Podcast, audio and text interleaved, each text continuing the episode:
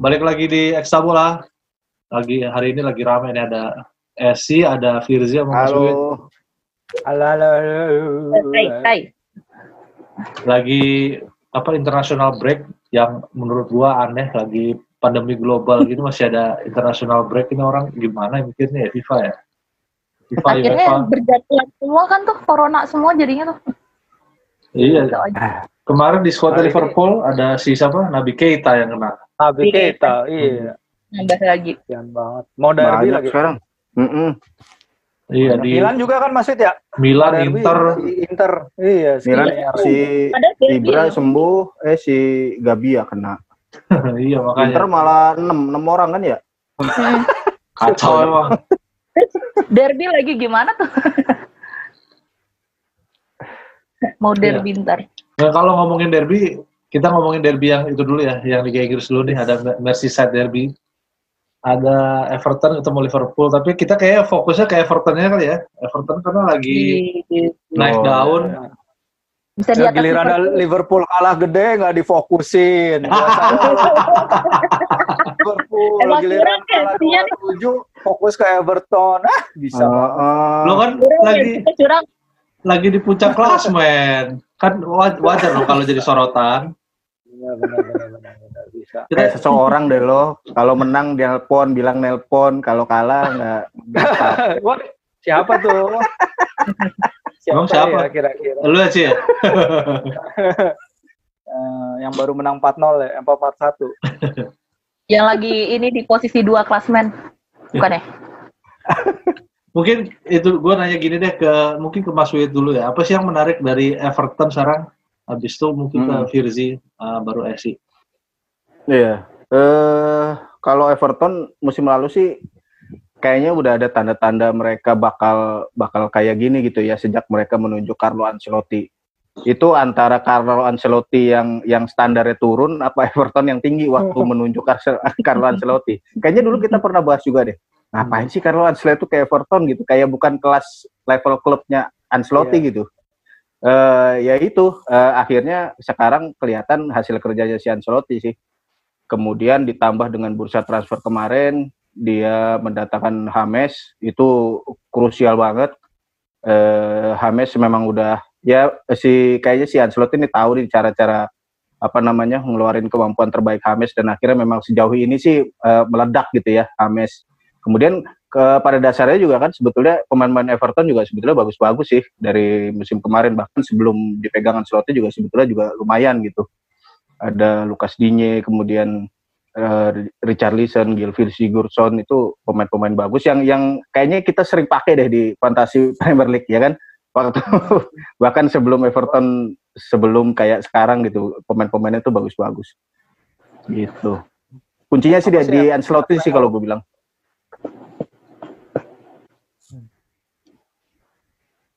Oke, kalau uh, mungkin dari Firzi ya, kalau menurut lo tadi kan Mas Wid bilang uh, apa namanya uh, Ancelotti entah levelnya turun atau Evertonnya naik. Tapi ini kayak Iya. perbandingannya sama kayak kita pernah ngebahasnya justru Mourinho, Mourinho yang uh, ke Spurs. Nah, ini Spurs, Mourinho-nya Mourinho yang jelek atau Spursnya yang dianggap uh, apa ya udah udah selevel sama tim-tim papan atas. Nah kalau menurut sih apa apakah Everton emang uh, kita anggapnya udah menuju ke atas atau emang Ancelotti Ah.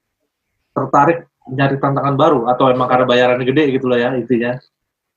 Iya, ya bayarannya gede pastilah dia dapat berapa Hmm. tuh 11 juta pound per tahun kalau nggak salah. Jadi bisa jadi 14 kalau termasuk bonus.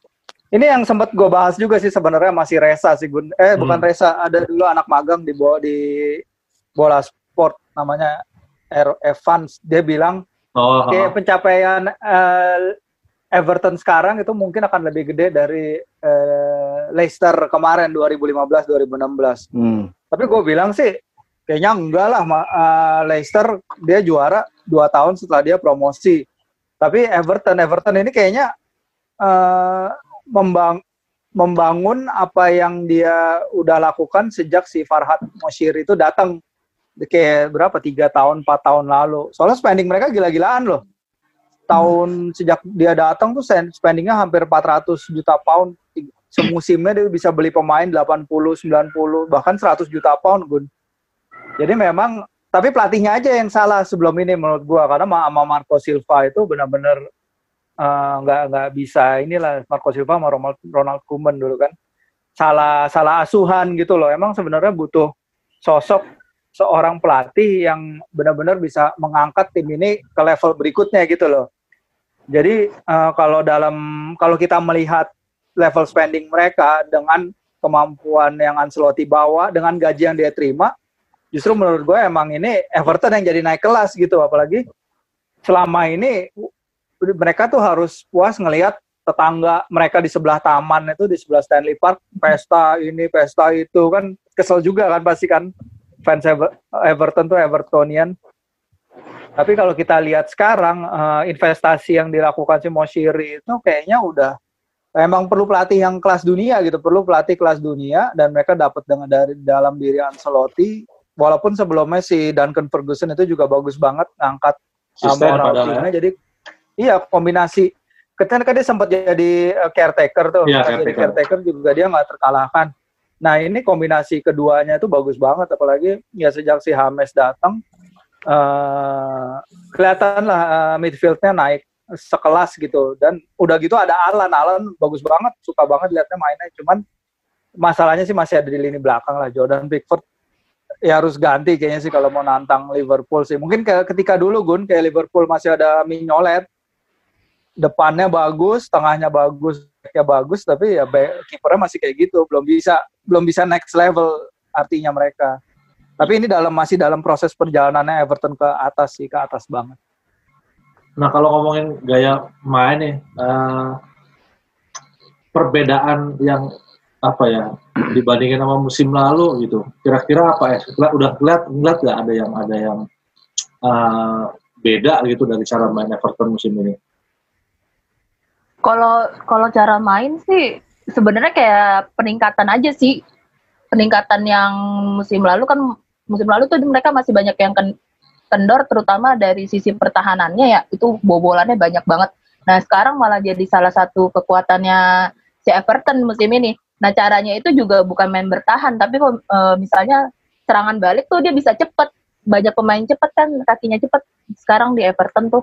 Jadi ca- apa sih namanya strateginya lebih kayak gua rasa mereka ningkatin tempo permainan aja model-model eh, mirip-mirip radar mirip klub gitu sih seben sebenarnya apa sih namanya ny- nyerang mulu gitu nyerang Oh. lebih ke strateginya lebih apa namanya agresif buat nyerang gitu sama serangan balik gitu. Nggak nggak maksain membiarkan lawan main agak ke belakang gitu. Nggak nggak dipaksain gitu lagi. Kalau jauh ini ya jauh ini yang gue lihat.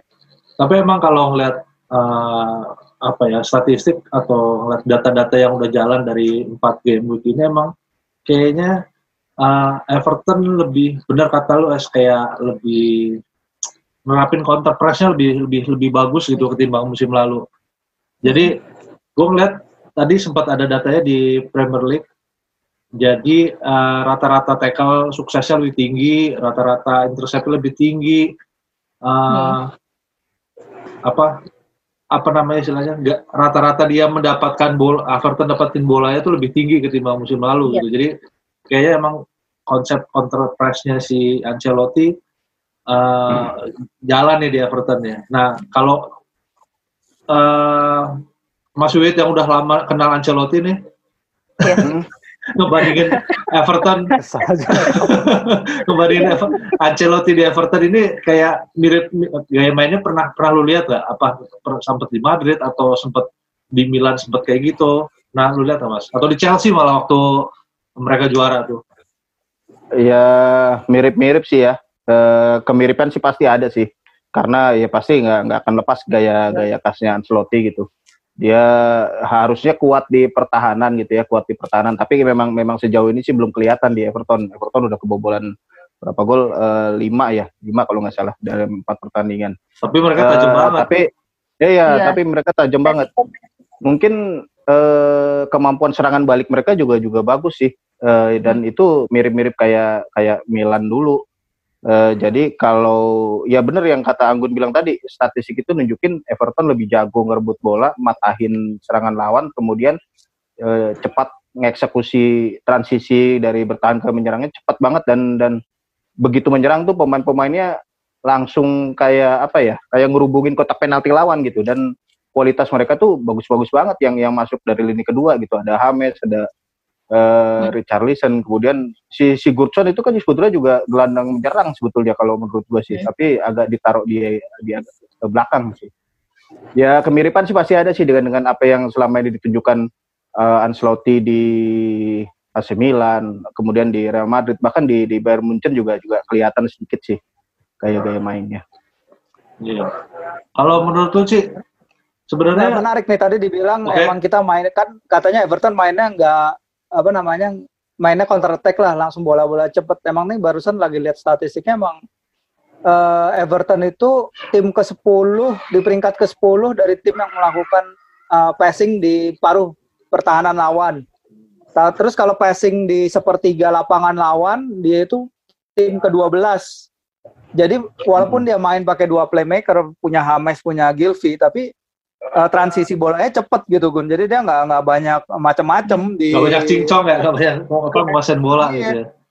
Nah, apa mungkin ini karena mereka punya target man yang sangat bagus ya. Mungkin dia punya hmm. si Dominic Calvert-Lewin. Jadi bola langsung ada ada tujuannya gitu loh dimajuin ke depan tuh ada tujuannya dan uh, runners runners kan juga pada bagus-bagus sih dari kedua back saya pada Polman ada hmm, si bener. jadi uh, bola bisa langsung masuk ke kotak penalti udah ya nggak usah kelamaan di godok-godok uh, di di sepertiga lapangan akhir statistiknya menarik sih sebenarnya emang serangan baliknya cepet banget sih Everton ini nah ya kalau ngomongin penyerang nih. Emang kalau Ancelotti itu kayak punya track record, dia punya penyerang bagus ya. Kalau ambil dari Milan deh, Milan dia punya ada ada siapa namanya? Ada Chef, ada Seva, ada Pipo, terus ya. Di Madrid dia punya Ronaldo. Terus di Munchen ada Lewandowski. Terus waktu di Chelsea masih ada Drogba ya kalau nggak salah ya. Seingat gue masih ada ya. Pas mereka Hazard juga ya. Iya. Hazard lagi naik juga. Nah, berarti emang istilahnya kayak Ancelotti tuh jadi bawa berkah sendiri buat si si DCL. Menurut menurut tuh hmm. gimana ya? Ya, ya mungkin juga sih uh, karena kan uh, eh, DCL juga ya sebelum Ancelotti siapa sih yang denger DCL bisa dibilang gitu dan dia emang uh, eh, DCL kan naiknya tuh memang pas paruh kedua musim sih terutama gitu. Musim lalu musim lalu kan dia di paruh kedua musim langsung bisa nih orang nyetak gol mulu nih. Gitu langsung kayak nge ada DCL gitu. Ya mungkin salah satu faktornya ya si Ancelotti ini yang bisa apalagi itu kan pemain muda ya, ya masih bisa gampang diasah gampang dikasih masukan dan sebagainya dan sejauh ini ya DCL bisa bisa apa sih namanya uh, meng, me, apa menerapkan apa yang diajarin sama si Ancelotti sih. Oke. Okay. Gitu. Nah, nah ini pertanyaan besarnya adalah bisakah si Everton konsisten uh, tadi kan kayak udah disinggung dikit sama Firzi ya soal apa namanya apa belum apa buat next level mungkin masih masih sekarang Everton menarik tapi yeah. belum next level buat jadi title contender lah istilahnya. Nah menurut lo bakal bakal sekonsisten apa sih uh, Everton kira-kira musim ini? Ya semuanya deh. Uh, boleh. Sekali semuanya sekaligus. Iya, boleh ngomong tiga-tiga ya. Boleh ada ada ada. dari dari Mas Win dulu ntar ke Firsi habis itu kayak sih boleh. Ya, kalau gue sih masih masih bertahan dengan pendapat gue kalau sekarang itu zamannya udah susah lah eh, konsentrasi ke banyak eh, kompetisi gitu ya. Jarang-jarang lah tim kayak Bayern Munchen kemarin bisa treble gitu.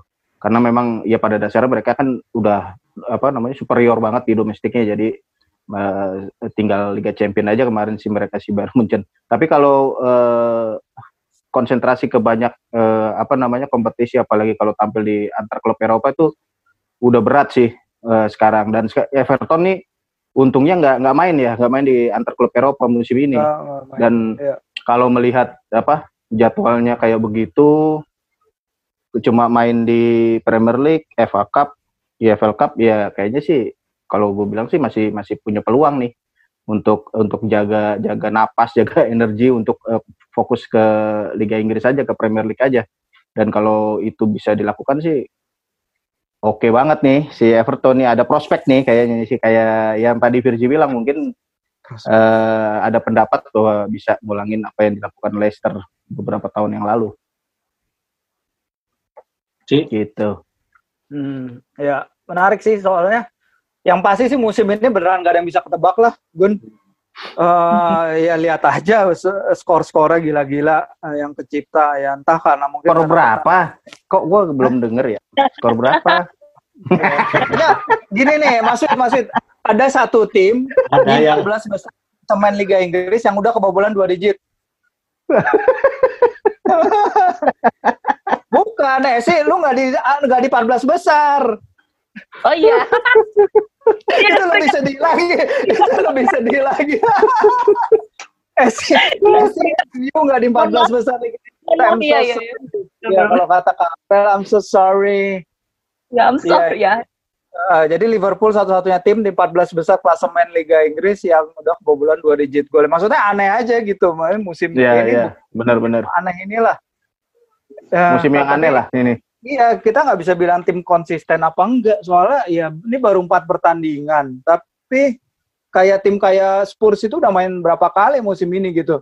Udah delapan kali kali ya. Se- Iya, Hitung-hitung sama- liga. Ya, di semua liga, eh, di semua ajang ya. Eropa, iya. Iya, kayak ya kasihan aja lihatnya gitu main apalagi kayak Milan, main ke Shamrock, main ke mana. Waduh, udah untung skuadnya udah udah ada rada, rada dalam sekarang kan si Spurs. Ya tadi Mas Wid udah bilang kalau Everton nggak main di kompetisi apa pun tuh menguntungkan gitu. Eh, kecuali memang si tiba-tiba Calvert Lewin jadi andalannya timnas Inggris gitu kan dia main dia main nih kemarin main lawan siapa Iya. dia nyetak gol Iya. Eh, Iya, iya. Sebut itu Uji coba. Wallace, lawan Iya, Wallace. uji coba Lawan dia Wallace. lawan Wallace dia Wallace golin terus habis itu dia lawan kemarin lawan Belgia, juga Belgia. dia main jadi ya makanya eh, ya kita kan nggak tahu apa yang akan terjadi kalau Everton nggak ada DCL gitu Rich- Rich- Iya. Richarlison juga bukan eh, bisa jadi penyerang tengah tapi kan kapabilitasnya beda Eh, Moisikin udah dia lepas ya ke Iya, PSG, ya. PSG. Yang yang Turki itu masih ada nggak ya si siapa? Masih Tosun, Tosun. Masih ke mana tuh Tosun Ada. masih ya Towson masih tapi Nggak dia kayak ka- kalah saing gitu belum main dia musim ini karena si Everton mainnya DCL sama Richarlison. Di terus-terusan kan iya ya mungkin Ah. itu bi- bakal jadi backupnya nah eh, udah gitu nggak nggak tahu nih kan ada Robin Olsen datang apakah Robin Olsen langsung ngambil tempatnya si Pickford ya. eh, Pickford atau Hmm. gua nggak tahu sih Olsen kemarin di Roma gimana tapi dia kalah bersaing kan sama Paul Lopez itu ya Iya. kiper Iya. Spanyol Kalau itu kemarin ya. tuh dipinjemin kayaknya ya si iya dipinjamin kan Robin Olsen Udah tuh. luar kan ke mana gitu ya. Lupa Ah. gua tim tim papan bawah Serie A sih. Lumayan sih. Iya. Makanya sebenarnya ya lumayan timnas Swedia kemarin main. Ah, ya ini sih kalau soal konsistensi ini beneran nggak belum bisa tahu sih. Sekarang aja Aston Villa tiga pertandingan tiga menang gitu loh. Kemarin tim nyaris degradasi bener-bener. Eh, yang menarik sih ke depannya sih ya mungkin baru bisa kelihatan I don't know, setelah tahun baru kali ya kalau setelah tahun baru Everton masih di peringkat dua besar ya baru chance mereka eh, ke kebaca gitu menurut gua sih Tapi kalau bisa ngalahin Liverpool sih sinyalnya semakin kuat sih. Doi. Eh, sebelum mau nanggap mau ikut ngomongin yang konsistensi atau eh, gua itu deh, gua itu deh apa namanya? Kita kan ngeba- ngebahasnya Iya. udah banyak positifnya terus nih dari Everton. Ada hal apa negatif yang paling mencolok dari tim ini apa ya?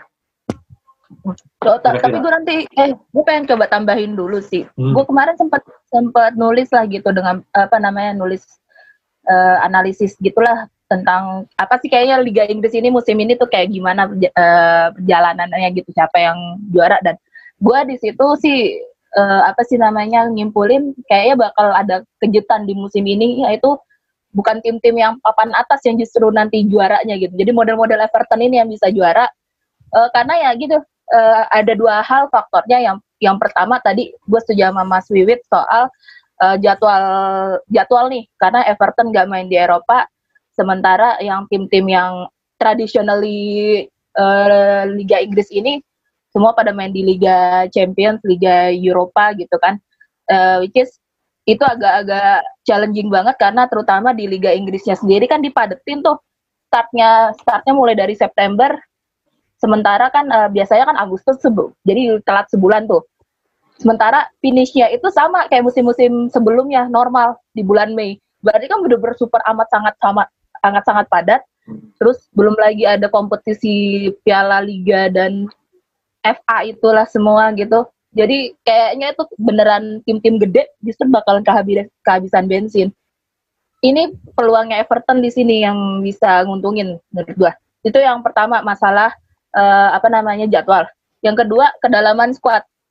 Siapa tim yang punya kedalaman squad ini juga yang bakal banyak bicara. Nah Everton menurut gua dua-duanya dapat dari kedalaman squad tadi diceritain tadi kipernya.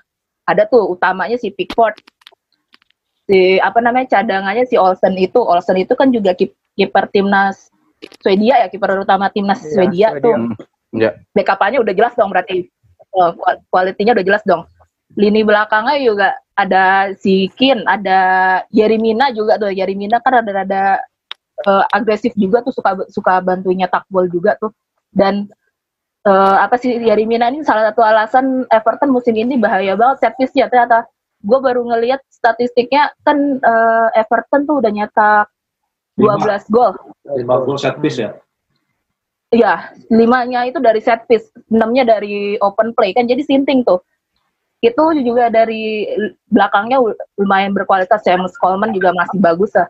Tengahnya Ada ada, back Alan. baru lagi ya, Es. Iya, Ada si Ben ada Godfrey. Gila, Ben 25 Godfrey. juta dia beli. makanya tengahnya juga kayak maksudnya eh, ya tadi nyebut ada si Gilty ada si Hames masih ada juga tuh rekrutannya si Alan buat gelandang bertahan Alan saingannya sama Fabian Delph Fabian Delph masih lumayan mainnya terus yang juga masih sering di backup itu ada Andre Gomez jadi eh, tengahnya juga udah eh, tengahnya juga kualitinya hampir seimbang. Ya depannya tadi kan banyak lah itu udah Richarlison DCL ada si Tosun juga gitu. Itu jadi Everton ini dua-duanya udah dapet sih kualitas yang menurut gue eh, juaranya Liga Inggris musim ini udah dapat kedalaman squad sama jadwalnya lebih bersahabat ketimbang yang lain. Jadi gue nggak kaget kalau ini memang eh, Everton bisa jadi title con- contender yang bener-bener contender gitu. The real the real title contender gitu. Kalau masalah kelemahan sejauh ini kan kelihatan memang pertahanannya eh, pertahanannya lini pertahanannya si Everton ini masih agak kebobolan. Tapi itu kan memang istilahnya buah dari strategi bermainnya si eh, apa namanya strategi bermainnya si Ancelotti yang nyerang mau nggak mau kan pertahanan agak longgar dikit yang bisa jadi manfaat dimanfaatin sama pemain lawan.